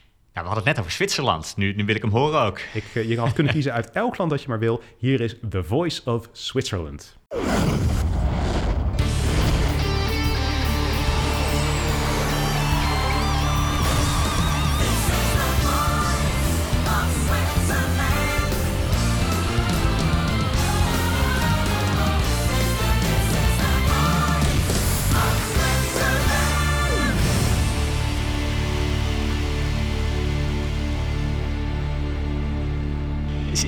Zit, die leeuw er ook altijd bij, bij andere tunes? Die eh, in het begin... Dat...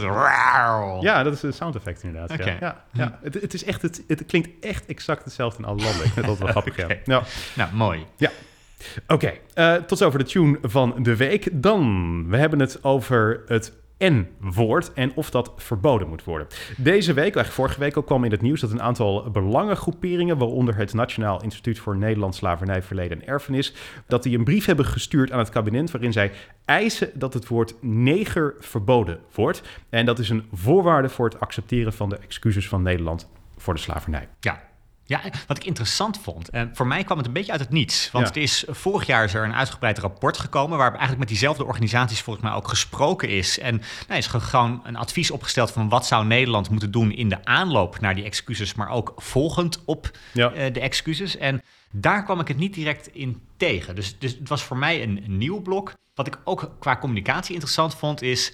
er is dus kennelijk door deze organisaties een brief gestuurd aan het kabinet... Ja, En in één keer, bijna gelijktijdig, kwamen zo'n beetje alle grote nieuwsorganisaties in Nederland met die brief. En zeiden ze ook dat die brief in hun bezit was. ja. Nou, ik vraag me dan af als, als kijker, als lezer, hoe komt het dat alle nieuwsorganisaties ineens die brief in bezit hebben?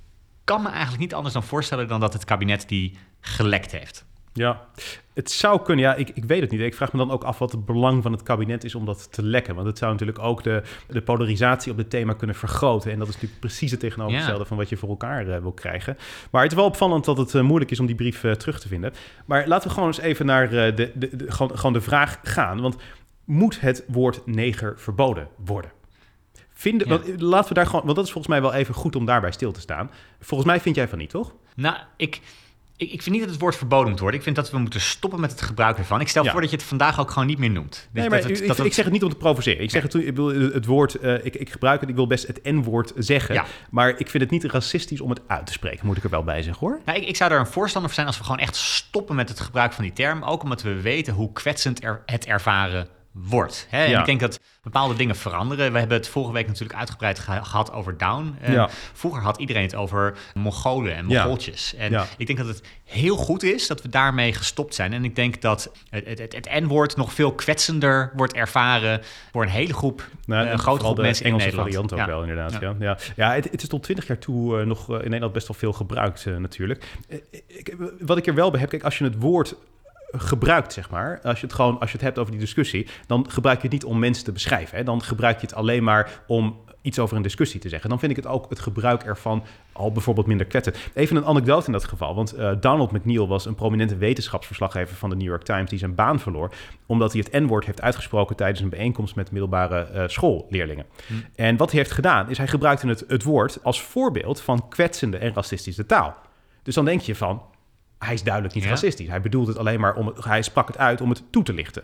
Maar omdat sommige ouders die daarbij aanwezig waren dachten van ja, ik vind dit toch eh, een hele grote trigger, hebben zij een klacht ingediend. Nou, daarop volgens heeft hij een schorsing gekregen. En omdat heel veel mensen bij de New York Times dachten van ja, schorsing vind ik niet eh, eh, hard genoeg, hebben ze hem uiteindelijk, ja, heeft hij zijn baan daar gewoon verloren en werd hij gebrandmerkt als racist. En ik heb wel zoiets van ja, als je het woord gebruikt om te laten zien wat kwetsende taal is, dan vind ik dat wel tegenovergestelde van racistisch. Ja, nee, dan zou je nu al ontslagen worden. Precies, Op precies. basis van deze podcast. Maar dat, daar, daarom zou ik zeggen van, kijk, ik ben dus ook niet voor het gebruiken van het woord. Als dat voor mensen kwetsend is, dan moet je af en toe accepteren dat taal verandert. Hè? Je Ja. moet niet totaal inflexibel zijn. Maar wanneer het zo'n taboe wordt, Ja. ja, krijg ik af en toe wel een klein beetje ongemak bij. Ja. De Nou, context bepaalt of iets racistisch is of niet. Ja, nee, want ik, ik, denk dat het legitiem is ook om die discussie te voeren. Hè? Want alleen al het feit dat het hier geëist wordt, dat maakt dat we er ook gewoon een maatschappelijk Ja, debat zeker. over Tuurlijk. moeten voeren. Tuurlijk. Ik vroeg me af, zijn er andere woorden die in Nederland verboden zijn? En het Mhm. antwoord daarop is nee. Nee. Is op dit moment eigenlijk in de Nederlandse taal geen enkel woord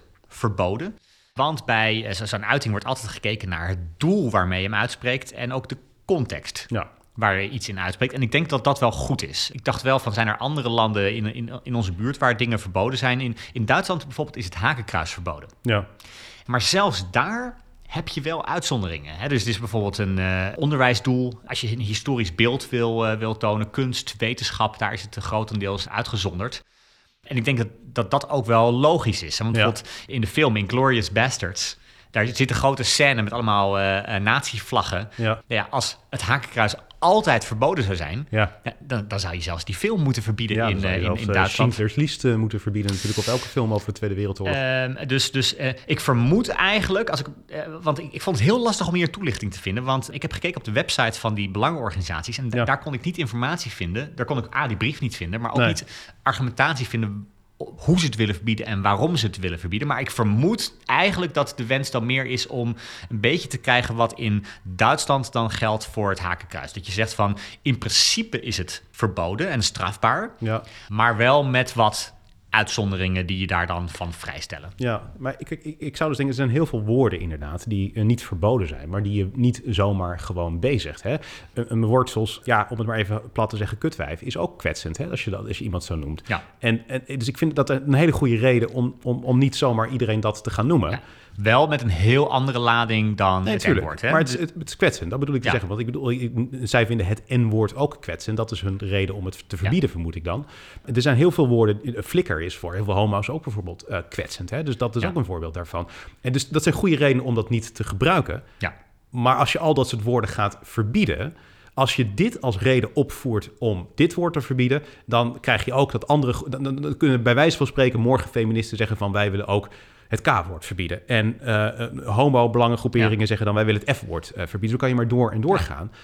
En dan is het natuurlijk wel een flinke poging tot ja, wat censuur is. Hè. Je moet wel ergens vrij het debat kunnen voeren. En dat betekent soms ook over de scheef gaan. Sterker nog, ik denk soms het feit dat mensen bepaalde termen gebruiken, dat legt ook wat bloot over hun karakter, wat helemaal niet goed is. Dus laat ze alsjeblieft die fouten maken. Hè. Ik heb zoiets van, laat vooral mensen zichzelf ter schande maken in het debat. Ja, ja, maar je moet wel, ja, nee, nee. Maar en, en, en reageer daar dan op. Want ik vind het heel legitiem als er, als er dan een maatschappelijke reactie komt. Ja, ja leg het uit waarom dat zo kwetsend is. Want dat, als het verboden is, dan heb je daar dus daar geen enkele discussie meer over. Dat je zegt van als een politicus dat woord gebruikt, dan disqualificeert hij zich voor heel veel kiezers hopelijk in, het, in, het, in het debat, zeg maar. En dat zou een goede reactie zijn. Een betere reactie, denk ik, dan iemand dan naar de rechter brengen omdat hij het woord heeft gebruikt. Exact, ja. En ik heb ook wat, het probleem wat ik ook heb met uh, dit, want ik, ik zie het echt als censuur. Het is natuurlijk gewoon zeggen van dit mag je niet zeggen. Dat is de, de, de, definitie van censuur. Censuur is iets wat in het verleden is gebruikt om minderheden restricties op te leggen en in bedwang te houden. Er zijn talloze voorbeelden van uh, bijvoorbeeld Amerikaanse musea die geen plekje geven aan zwarte kunstenaars. Ja, dat tegenwoordig niet meer, maar vroeger was dat uh, een, een heel bekend. Dat is maar één van de duizenden voorbeelden. Censuur wordt gebruikt om mensen te onderdrukken en dat zijn disproportioneel vaak minderheden geweest. Dus wat je moet doen, het tegenovergestelde van onderdrukking is niet om andere mensen te gaan onderdrukken. Het tegenovergestelde van onderdrukking is geen onderdrukking. Volgens mij zouden we de afspraak moeten maken dat we gewoon geen censuur plegen. Dat de overheid nooit woorden zomaar gaat verbieden. En de reden dat ik denk dat dat belangrijk is, omdat tolerantie iets is wat als je naar de geschiedenis kijkt, komt en gaat op enig moment. Het zijn een soort van golven altijd. Er zal een moment komen wanneer we minder tolerant zijn ten opzichte van minderheden. Dan is het in ieder geval goed als je altijd ervan uitgaat dat er een bepaalde basisvrijheid is. Dat er geen censuur wordt gepleegd, dat er geen onnodige restricties op worden gelegd aan mensen. Dat is volgens mij op lange termijn beter. Dus ik zie deze poging tot censuur van deze belangengroeperingen als een mes in de rug van toekomstige uh, mensen die zwart zijn of andere minderheden. Want die zullen hier uiteindelijk een nadeel van ondervinden, omdat hiermee censuur ge gelegitimeerd wordt nu en in de toekomst. Ja, dus wat jij zegt is dat uh, als je hier begint, dus een beetje de slippery slope argument natuurlijk. Hè? Dus dat je, dat je uh, glijdende schaal. Dat als, je, als, je, als je dit gaat verbieden, dan komt er een moment dat ook andere dingen verboden gaan worden. En dan kan je ook zelf een keer het slachtoffer worden van iets wat verboden wordt. Ja, ik, ik, weet niet of dat altijd hier geldt, maar ik, ik denk wel dat dat, dat, dat een legitiem punt is. Ik, ik merk aan mezelf dat ik ook heel erg opstandig word van, ja, van verbieden. Wel, ja. ik, ik, had, we hadden het vanochtend dat ik dat bijvoorbeeld heel opstandig werd van Twitter. Ja. Worden nu allemaal dingen ineens geblokkeerd. Hè? Journalisten worden geblokkeerd die uh, Elon Musk kritisch volgen. Ja. Dat is natuurlijk al uh, schandalig, maar je mag bijvoorbeeld een, een Twitter-alternatief is Mastodon. Ja. Als je tegenwoordig een link plaatst naar Mastodon, dan weigert Twitter het om te publiceren. Ja. Nou, ik word daar mega opstandig van. Ja, en, dat de neiging om inderdaad naar Mastodon uh, te gaan. Ja, en, en, en, en ik vrees ook dat een, een, een gevolg van die opstandigheid is dat je... Dat, voor mij was de reden om juist meer erover te twitteren, maar dan Mastodon, spatie, punt, spatie ja, ja, uh, en, en, dan de link. Want ja, nou, ik word er opstandig van. Ik moet, ik moet een beetje terugdenken. Wij hebben vroeger heel veel gedebatteerd. En dan ging je naar die debattoernooien. En die vroeger trouwens hoor. Ja, tegenwoordig, ja maar uh, we, deden, we deden mee aan wedstrijden. ja, dat, wedstrijd, dat liep een beetje uit hand als hobby. Maar ik ben de hele wereld rond, rondgegaan uiteindelijk in, in heel veel landen. En heel vaak kon je tijdens debatten in principe alles zeggen. Ja. Maar we gingen bijvoorbeeld ook wel eens naar landen als Turkije. Ja. En daar kregen we een briefing van de organisatie waarbij van tevoren werd gezegd van let op, in principe kan je elk onderwerp hier bespreken, maar bepaalde woorden mag je niet gebruiken. Ja. En ik weet dat bijvoorbeeld in, in Istanbul deden wij mee aan een, aan een debattoernooi en er werd van tevoren gezegd, je mag de term Armenian genocide ja. je niet gebruiken, want dat is strafbaar in Turkije als je, Ja. als je, die, als je die woorden uitspreekt.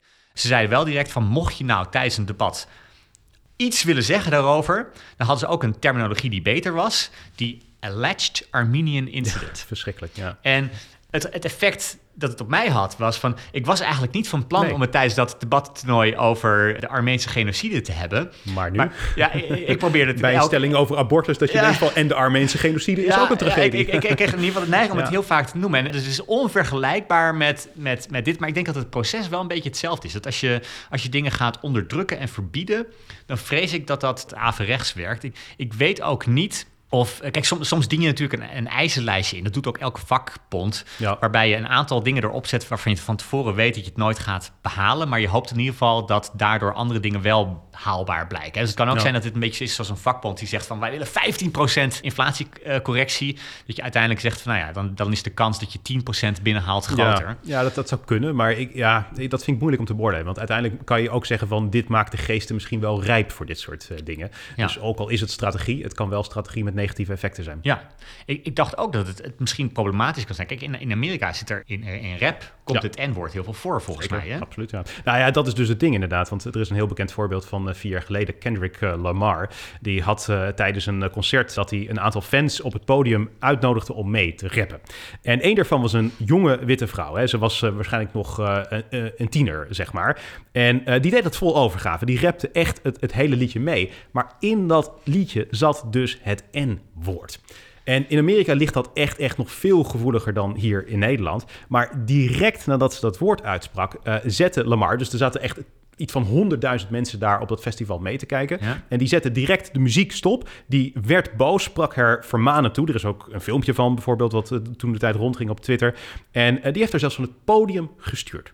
Dus je moet je voorstellen, de grote Kendrick Lamar, Ja. iemand die, die multi-multimiljonair is, een van de meest invloedrijke artiesten, die, die gaat daar de les lezen aan een, een beïnvloedrijke... eh, Beïnvloedbare, ja. beïnvloedbare inderdaad tiener die, die daar gewoon voor het eerst van haar leven op een podium staat en, en een nummer meezingt en ja, daar dat zegt. Kijk, er is heel veel discussie over geweest, maar ik had wel zoiets van, dat vind ik wel echt een, een heel erg, ja, gewoon bijna tragisch voorbeeld eigenlijk. Want misschien als het zo gevoelig ligt, had je het niet in je eigen nummer moeten zetten dan. Hè? Want natuurlijk gaan mensen dat meezingen. Natuurlijk gebeurt dat. En ja, dan kan je nog zeggen van dat moeten ze niet doen. ja. Maar als dat dan gebeurt in zo'n situatie, om dan iemand daar zo hard voor af te Ja. straffen, ja, dat vond ik wel problematisch hoor. Ja, dat was mijn eerste reactie ook. Ik probeer dan wel te begrijpen van hoe zit dit hier. En ik zag een fragment op YouTube van, eh, van een schrijver, een essayist, die heette Tanehesi Coates. En die ja, kreeg ook... nee, Tanahasi coach, maar het coach. is niet een, Ja. een hele bekende. Hè? Ja, die, die, die- maar die kreeg die, eh, die kreeg die vraag van hoe komt het dat, dat sommige mensen die taal wel eh, mogen gebruiken en anderen niet? En Ja.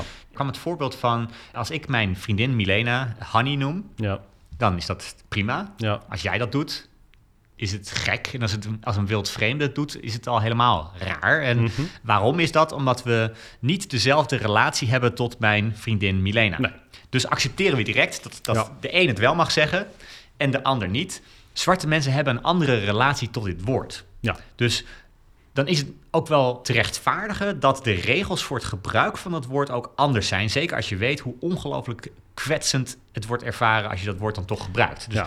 Daar, daar dacht ik wel van, ik snap dat, ik wil dat begrijpen. Eh, Ik dacht tegelijkertijd, dat is wel een reden waarom je het, dus woord niet moet gebruiken. Als grootste gedeelte van de samenleving. Dat is niet waarom je het moet verbieden. Want dan, dan kom je denk ik echt in een heel problematische omgeving. Nou, waarbij de rechter op een gegeven moment moet kijken van... wat, wat Ja. is de huidskleur van iemand? Had hij het woord mogen Maar gebruiken? het is nog complexer dan dat. Want het is niet alleen dat jouw huidskleur bepaalt of je het mag zeggen of niet. Het is ook de gemeenschap waar je toe behoort. Een van de opmerkelijke dingen is dat Eminem, een witte rapper, het Ja. N-woord ook met regelmatig, regelmatig heeft gebruikt.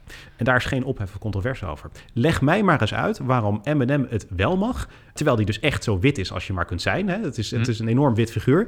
En dat die, die andere vrouw van het podium eh, werd eh, gestuurd. En eh, de, de, de gedachte daarachter is dat hij als een soort van, ja, dat vermoed ik maar als een soort van honorary member van de Black Society wordt eh, gezien. En daarom is het in zijn geval toegestaan. Maar ik vind het wel ontzettend complex worden. Dit is een mijnenveld. Ja, ja.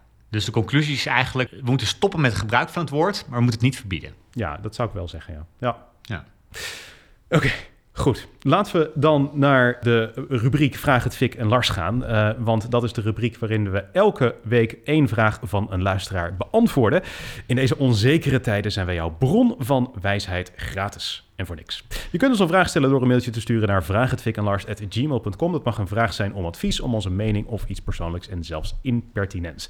De vraag van deze week komt van de sterren van deze rubriek, mag ik wel zeggen. Ja, ze hebben heel vaak eh, Ja, van dit soort en brieven ingestuurd. Reinder en JW heten ze. En ze hebben inderdaad meerdere keren een vraag ingestuurd. En de vorige keer dat ze een vraag ingestuurd hebben, toen, dat was dat ze ook aankondigden als een impertinente vraag. Hè? Ja. Dat, eh, dat, dat, dat is een vraag over, nou ja, feitelijk mijn seksleven.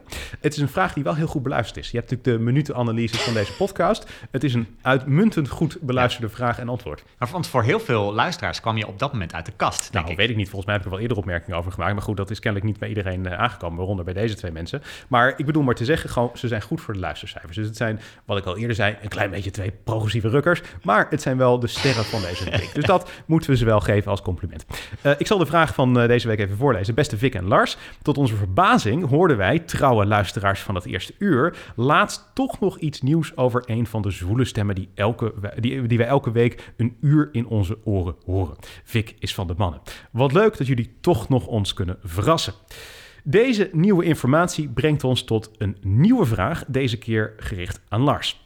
Vic gaat natuurlijk graag in de contraststand. Als zijn omgeving Ja. de ene kant op gaat, gaat hij de andere kant op en andersom. Precies. Jij kent Vic als de beste, dus denk jij dat hij zo conservatief is geworden doordat hij in de homo-gemeenschap met louter promiscue en progressieve mensen in aanraking komt? Als Vic hetero was geweest, zou hij dan, om zijn eigen woorden te gebruiken, net zo'n progressieve rukker zijn als ondergetekende. Met vriendelijke groet, Reinder en JW. Nou, Lars, Nou. beantwoord deze vraag. hij is voor jou. Ja, nou, ik, ik probeerde even hierin mee te gaan, maar zonder het al te persoonlijk te maken bij, bij jou. Jij komt volgens mij niet al te vaak eh, specifiek in aanraking met de, de homoseksuele gemeenschap. In die zin dat, eh, ik zat eens te kijken naar jouw vriendenkring. En jij hebt niet heel, heel veel vrienden die homoseksueel zijn. Jij bent hetero bijvoorbeeld? Sorry? Jij bent hetero bijvoorbeeld? Ja, ik, ik ben, eh, maar de, de meeste volgens mij, eh, Klopt. zo Ik niet ben allemaal. Niet een. eh, nee, inderdaad, dat klopt wel, ja. Hè, dus, dus ik denk dat dat niet de, ik denk dat dat niet de reden is. Je, je kunt zeggen dat jij misschien zo progressief bent geworden omdat je, of zo conservatief bent geworden omdat je veel met mij bent omgegaan. Dat, dat, dat ik dat effect tegenreactie. op jou heb gehad. Maar ik, ik ken jij natuurlijk langer. Wij kennen elkaar nu 20 jaar of Zo. Jij, jij had dit al voordat wij elkaar leerden kennen. Dus ik, ik denk, dat is mijn theorie in ieder geval. Want je, Mhm. je moet soms echt ja, afvragen. Ik denk dat het een legitieme vraag is van hoe wordt iemand zoals hij is. Ja, ik denk dat jou, eh, en zeker als, als, je, als je zo conservatief wordt, hè, dan moet je hem zeker eh, vragen. Ik denk dat dat vooral komt omdat jij zeven jaar in Amerika hebt gewoond. En dan ook niet in de progressieve staten van Amerika hebt gewoond. Maar je hebt in Virginia bijvoorbeeld gewoond, Dat volgens is toen mij. tijd conservatiever dan het nu is. Ja, en in, conserva- ja, in, in, in, in conservatieve bolwerken, ook nog binnen die staten vaak volgens mij Ja, ja. gewoond. Dus ik denk eerlijk gezegd dat eh, jouw Amerikaanse roots, zeven jaar in Amerika, dat die jou gevormd hebben. Hm, dat is interessant. Ik heb er een andere theorie over. Eerst even één ding. Er is veel aandacht voor demografische kenmerken die politieke voorkeur bepalen. Dus zij zeggen dat eh, eh, homo's, eh, of in ieder geval mensen in die gemeenschap, vaker links stemmen of niet. Ik heb dat dus even gecheckt. Ik vond dat niet per se iets wat ik intuïtief dacht dat het zou kloppen. Want volgens mij was het vroeger wel het geval. In de jaren negentig, toen er natuurlijk een discussie woedde over bijvoorbeeld het legaliseren van of het openstellen van het huwelijk voor homoseksuelen. Ik kan me voorstellen dat toen de tijd wel gold. Ja, want linkse partijen waren vooral de partijen die tolerantie en acceptatie predikten, die voor het uh, homohuwelijk waren destijds. Die strijd is wel gestreden natuurlijk. En alle partijen komen tegenwoordig wel op voor uh, homoseksuelen. Volgens mij is er nauwelijks nog een onderscheid daar te zien. Ja. Dus LGBTQ-belangengroeperingen zitten vaak aan de linkerkant van het politieke spectrum. Maar homo's, omdat het zo'n groot deel van de samenleving zijn, die stemmen volgens mij op alle partijen. En het zou me eigenlijk niks verbazen als de VVD ook daar de grootste partij is. Hm. Dus dat ten eerste. Dus uh, ergens is, is het logisch dat demografische kenmerken zoals geslacht, etniciteit en seksuele voorkeur bepalen op wie je stemt. Maar ik denk dat er wel beperkingen aan zitten. Ja. Uh, dus het zegt niet alles. Ik denk dat er iets anders is dat ook vaak politieke voorkeur uh, bepaalt. Wat we niet zoveel bespreken, maar wat wel echt een hele belangrijke factor is. En dat is de persoonlijkheid. Die voor een deel aangeboren is. Het is een stukje aangeleerd, Ja. een stukje nurture, maar er is ook een stukje nature in. En ik denk dat er absoluut wel bepaalde, zeg maar, persoonlijkheidskenmerken in mij zitten die mij uh, conservatiever maken en dus ook anders maken van jou. Hm. Want jij hebt ook een paar kenmerken die jou heel erg progressief maken. Een van de uh, dingen, want je hebt gewoon, als je naar persoonlijkheid gaat kijken, heb je de Big Five. Hè? Dus dat zijn, dat zijn vaak hoe persoonlijkheid wordt uh, beschreven. Ja. Nou ben je dus eigenlijk de vraag die over jou ging, over mij aan het maken, maar nee, ik analyseer ga mijn persoonlijkheid. Ik, ga hem, ik, ga hem, ik ga hem heel persoonlijk maken. Ik wou net, wou net heel persoonlijk maken. Uh, um, waar ik hoog op score is conscientiousness. Sorry, wat? Con conscientiousness, hoe con ja. conscientieus je bent eigenlijk. Ja. De, dus ik ben georganiseerd, ik ben gestructureerd, uh, gedisciplineerd. Een van de dingen die jou altijd opvalt als je bij mij komt, dat mijn huis altijd opgeruimd is. Ja. Het is nooit een rotzooi. Dus een, een van de momenten dat we ook echt ruzie hebben gekregen is, ik weet het nog goed, we, we reden in New Hampshire. We Ja, waren de oh, voorverkiezingen aan het eh, te volgen daar. We gingen allemaal bijeenkomsten met Trump en zo, om, Ja. dat, eh, om dat te bekijken. We zaten in de auto. Ja, oh god. Het, het, was, het had gesneeuwd, gesneeuwd, Enorm. gesneeuwd. De, de weg was echt super glad. Ik was aan het autorijden. En wat gebeurde er toen? Ja, het was gewoon een bende in die auto. ik zat me te ergeren aan het feit dat jij gewoon overal alles gewoon neergooit. En ik zit het steeds op te ruimen. Dus ik zit steeds allerlei dingen in, op de juiste plaats eh, te leggen. Dus jij, jij zat ook echt bij de versnellingspook Ja. en zo. Je zat continu alles te verplaatsen. En mijn zonnebril die daar Ja. netjes Oh. eh, eh, lag, zat je te verplaatsen en zo. In het dashboardkastje moet dat ding. En, en op een gegeven moment, eh, we hadden twee mensen achterin zitten. En ze schrok echt toen ik op een gegeven moment naar echt, echt schreeuwde. En nu hou je... En toen kwam er een eh, onbijbelse vloek op en, en blijf van die spullen af. Want ik, ik vond het echt irritant dat Ja. zelfs in de auto op, op het ijs waren we aan het rijden... dat je daar echt de neiging voelde om alles Ja. continu op te ruimen. En dat zijn dus de, dat, maar dat is dus de, de keerzijde van dat, dat, dat ik dingen heel erg georganiseerd en gestructureerd wil. Eh, ik, ik ben ook inderdaad erg. Ik, ik vind het vervelend als het dat niet is. Dus Ja. daar kan ik minder eh, goed mee omgaan. Ik ben ook niet heel erg flexibel, bijvoorbeeld. Nee, dat, dat kan ik wel bevestigen. Ja, ook in de, in de aanloop naar zo'n podcast. eh, je, je hebt mensen die flexibel zijn en je, hebt Victor. En, jij- en jij bent de categorie Nee. Victor. Ik ben inderdaad niet heel erg. Nee, maar dat, dat is dus de keerzijde ervan. Dus, dus daarom zijn persoonlijkheidskenmerken niet goed of slecht. Het is min of meer wat je bent. En ik ben, dat ben ik ook altijd wel geweest. Zie ik bijvoorbeeld ook heel erg terug in hoe mijn moeder er was. Die was ook echt iemand die vrij georganiseerd en gestructureerd eh, was. Maar dat heeft twee consequenties. En er zijn ook heel veel eh, wetenschappers die het onderzoek hebben gedaan naar hoe dit soort dingen dus je politieke voorkeur bepalen. En doordat ik dus heel erg hoog score op conscientious, jij niet, eh, vind ik bijvoorbeeld persoonlijke verantwoordelijkheid nemen erg belangrijk. En dat, dat doe ik dus ook erg regelmatig. Ik, waar ik, wat ik echt zeer problematisch vind aan heel veel eh, ja, linkse ideeën. Ik weet dat jij nu weer een kriebel krijgt Ja. bij alleen deze terminologie. Ja, je, je plakt overal dan weer links op. Ja, dat zeg jij. Maar het is gewoon een links idee dat, dat, van de slachtoffermentaliteit altijd. Ik, word, ik, ik vind dat het persoonlijk verantwoordelijkheid nemen is het tegenovergestelde van slachtoffer zijn. Je moet gewoon af en toe accepteren, de wereld is onrechtvaardig. Er gebeuren allerlei dingen die je niet leuk vindt. Accept it and move on. Die, die slavernijdiscussie, ik, een van de. Het, het ging zo goed. En eh, het ging zo goed, Ja. die discussie. Ja. En, en, en nu ga je dan toch nog die controversiële dingen roepen, Nee, maar dit valt wel mee. Want ik, ik zat gewoon gisteren in Radio 1 te luisteren... en ik hoorde van die eh, belangengroeperingen die dan hadden verloren bij de rechter. En dan hoor je ze praten over slavernij... alsof zij er persoonlijk slachtoffer... En dan denk ik van, jongens, het is 150 jaar geleden. Ja. Als je niet tevreden bent over waar je leven nog staat... dan moet je zelf die verantwoordelijkheid nemen. Nee, maar het racisme speelt nog steeds. Mensen hebben er nog steeds last van, Victor. Ik- tuurlijk is er racisme en ik, ik accepteer zelf dat er dingen doorwerken tot vandaag de dag. Maar ergens ben je ook zelf verantwoordelijk voor je leven. En doordat iedereen in die slachtoffermentaliteit de hele tijd kruipt, is dat deel ondergesneeuwd geraakt. Accepteer gewoon dat niet alles Maar dat is, dat is wel veel makkelijker als Victor Tuurlijk. Vlam als hij een sollicitatiebrief stuurt wel wordt uitgenodigd. Ja, en iemand met een andere naam. Nee, niet wordt nee, uitgenodigd. Nee, iedereen heeft on- onrechtvaardigheid en leed in het leven. Het, is, het komt op andere vlakken. Ik snap toch wel hier eh, de, de- zeg maar, Nou, eh, de, die belangengroepen Ja. beter dan jou. Ik sprak laatst iemand, dat was eh, iemand die al boven de 80 was en die een vrij succesvol ondernemer was. En die coacht tegenwoordig tegen allochtone ondernemers. En hij komt zelf uit Indonesië en hij vertelde dat hij vroeger met enige regelmaat werd aangesproken op zijn kleurtje. En hij zei van ja, ik ging daar heel simpel mee om. Als ze mij aanspraken op mijn kleurtje, dan maakte ik een grap over het feit dat zij een bril droegen. Dan zei ik bijvoorbeeld, hey brillenmans, waar bemoei jij je eigenlijk mee?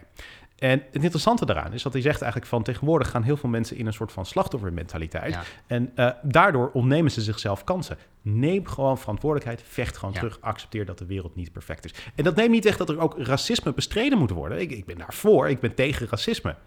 Maar verantwoordelijkheid nemen is iets wat in deze samenleving minder gebeurt. Ja, maar dit, dat, dat, ja, ik denk daar toch genuanceerder in. Ik denk, ik denk dat een succesvol ondernemer ook makkelijker een grap over een bril kan maken dan Ja. iemand die probeert te solliciteren, net afgestudeerd is en al blij is dat hij uitgenodigd is, dan een racistische opmerking misschien eh, eh, te verduren krijgt. En ja, die kan Ja. niet een grap maken over, over de bril van degene aan de andere kant van de tafel. Nee, fair enough. Maar goed, ik bedoel, ik- dat is wat ik heb over persoonlijke verantwoordelijkheid. Dus dat is een van de consequenties van het zijn van conscientieus. En het tweede is dat ehm, ik ook heel erg voor bestaande hiërarchieën ben. En dat is ook iets wat dieper in mij zit, wat minder rationeel is trouwens, denk ik. Maar ik vind er is een bepaalde sociale rangorde. En ja, linkse ideeën willen die altijd omverwerpen. Ik, ik, ik heb behoefte aan orde in de samenleving. En orde is het in, in stand houden van die bestaande sociale rangorde. Omdat jij daar baat bij hebt. Eh, nee, omdat ik voor orde ben. Dat, Ja. dat is een fundamenteel verschil. Ja, maar ik zie, ik zie overigens wel, als we dan weer vanuit je roots dat proberen te verklaren. Jouw vader was een officier Ja, dus dat het leger. Bij de- bij de NAVO. ja, exact. Dus die, die, die, misschien is dat natuurlijk ook wel heel erg in jou gedrild van eh, eh, kunnen, maar daarom is het dus orde, wel... regelmaat. Nature en nurture kan hier een rol spelen. Maar ik denk dat het ook voor een deel waarschijnlijk ook wel eh, in mij zit. Maar als we dan even naar jou gaan. Jij, een van de persoonlijkheidskenmerken van de Big Five waar jij hoger op scoort, is openheid. Jij staat veel meer open voor nieuwe ideeën bijvoorbeeld, nieuwe dingen ook. En Ja. je ook creatiever dan, dan, dan bijvoorbeeld ik dat ben. Oké. Je dat niet En- vinden? En, nou, ik denk dat, ja, in een aantal opzichten zeker wel. Ja. Ja, welk opzicht Ja. niet dan? Oh, nee, ik denk- ja, ik weet niet of het, maar ik, ik denk inderdaad, eh, ik, ik omarm verandering. Ja. Meer dan jij. Dat betekent niet dat ik altijd verander, nee. maar in ieder geval dat ik ervoor open sta. Jij staat er meer voor open dan ik Ja. ervoor open sta. En eh, bij mij is het ook misschien meer aangeleerd eh, dat ik voor, voor, voor verandering dat ik dat, dat moet doen soms, omdat het goed is. Dus je kunt ook, je, je hoeft je niet bij neer te leggen bij wat je aard is. Ja. Maar bij jou is het veel meer van nature. Nadeel daarvan is, jij loopt achter elk nieuw politiek idee aan. Daarom ben je progressief. Jij loopt gewoon achter elke trend. Ja, dat is, maar dat is wel Het is waar. niet zo. Het is ja, niet zo. ja, dat is wel waar. Jij loopt echt achter heel veel trends aan. Ik denk dat dat niet zo. eh, ik Ja, denk, dat, ik denk dat je in een aantal eh, dingen eh, gelooft die 30 jaar geleden net zo geldig en valide waren als nu. Mhm. Ja, Ik denk namelijk niet dat het iets moderns is om te zorgen dat eh, mensen aan de onderkant van de samenleving beschermd worden. ja. Eh, dat je zorgt dat iedereen een eerlijke kans krijgt om zich te ontwikkelen. Nee, die Eh, principes zijn ook helemaal niet nieuw. ja. Maar jij vindt, dat hebben we ook al eens besproken in deze podcast, dat heel veel mensen in complottheorieën geloven. Dat is echt zo'n zo- zo'n heel modern idee waar dat, dat- het is echt totaal niet bewezen dat er meer mensen in complottheorieën geloven dan bijvoorbeeld 50 jaar nee, geleden. maar, maar we zien ze meer. Je wordt er meer mee Klopt, geconfronteerd. maar dat zei je niet. Jij zei van, er geloven meer mensen in complottheorie. Dat is zo'n populair idee, wat jij dan automatisch direct gelooft. Jij springt wel el- op, je hebt de neiging om met, op veel meer treinen te springen daardoor. Ja. Ik heb- ben het met je eens dat de mensen progressiever zijn dan jij. Hè? Ja. Dus er zijn altijd mensen die erger zijn.